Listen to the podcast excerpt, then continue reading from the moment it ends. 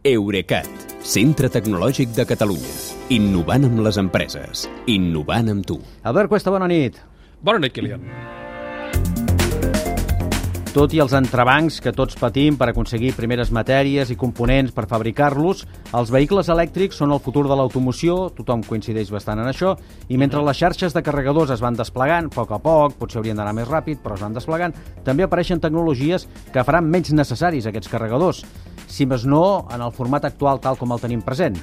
Uh, sí, aviam, uh, si és inevitable que un cotxe elèctric porta, porti bateria per impulsar-lo, també estaria molt bé que no calgués endollar-la uh, per carregar-la, o si més no tan sovint.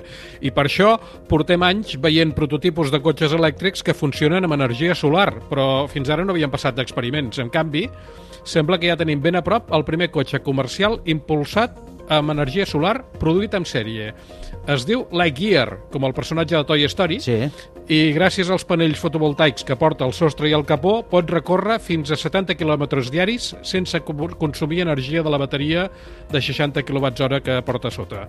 Uh, L'empresa holandesa que el fabrica diu que en llocs d'alta insolació, com la península ibèrica, si el teu trajecte diari no supera els 35 km, pots estar 7 mesos sense haver d'endollar el cotxe. Set mesos? 7 mesos, perquè tot ho agafa del sol. Això, eh, insisteixo, si hi ha sol. Eh, um, a Holanda és menys de la meitat. Clar. La, les primeres unitats d'aquest Lightyear 0 arribaran als compradors al mes de novembre eh, i té un petit inconvenient, això sí, que és el preu.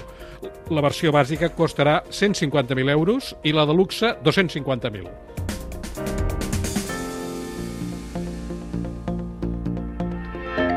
deixat un moment de música per, per refer-nos del preu. Per pair-ho i mirar, Sí. la, i mirar la cartera. És sí, una miqueta... Bé, ja no calia mirar-la. És una miqueta cara, eh, això. I si ens conformem amb carregar la bateria cada dia, què? Doncs, aviam, podem buscar un punt de, de recàrrega compatible per endollar-hi el cotxe o fer, com amb els telèfons mòbils, carregar-lo sense fils, que és encara més còmode. El gegant alemany Siemens ha invertit 25 milions de dòlars en una empresa nord-americana que es diu Witricity, que vol fabricar punts de recàrrega universals per cotxes elèctrics mitjançant inducció electromagnètica, com et deia, com els mòbils.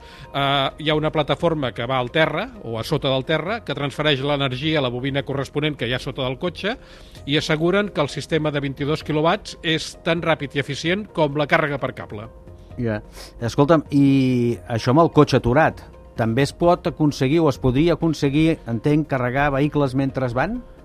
Doncs sí, eh, el grup Stellantis, que és aquesta fusió entre Fiat Chrysler i PSA, ha construït al costat de l'autopista que uneix Milà i Brescia, a Itàlia, un circuit de proves que en diuen Arena del Futuro, mm. en italià, eh, que està equipat amb una tecnologia de transferència d'energia dinàmica i sense fils, que en diuen, i que en realitat consisteix en fer el que dèiem abans, però posar-ho a tot el circuit.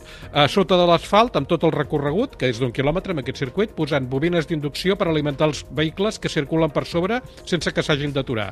Ho han provat amb un autobús Iveco, amb un esportiu Maserati i amb un Fiat 500 que han aconseguit que circulés a la velocitat normal d'autopista sense gastar ni una gota d'energia de la bateria. Carreteres que alimenten els vehicles elèctrics que hi circulen per sobre, no està malament.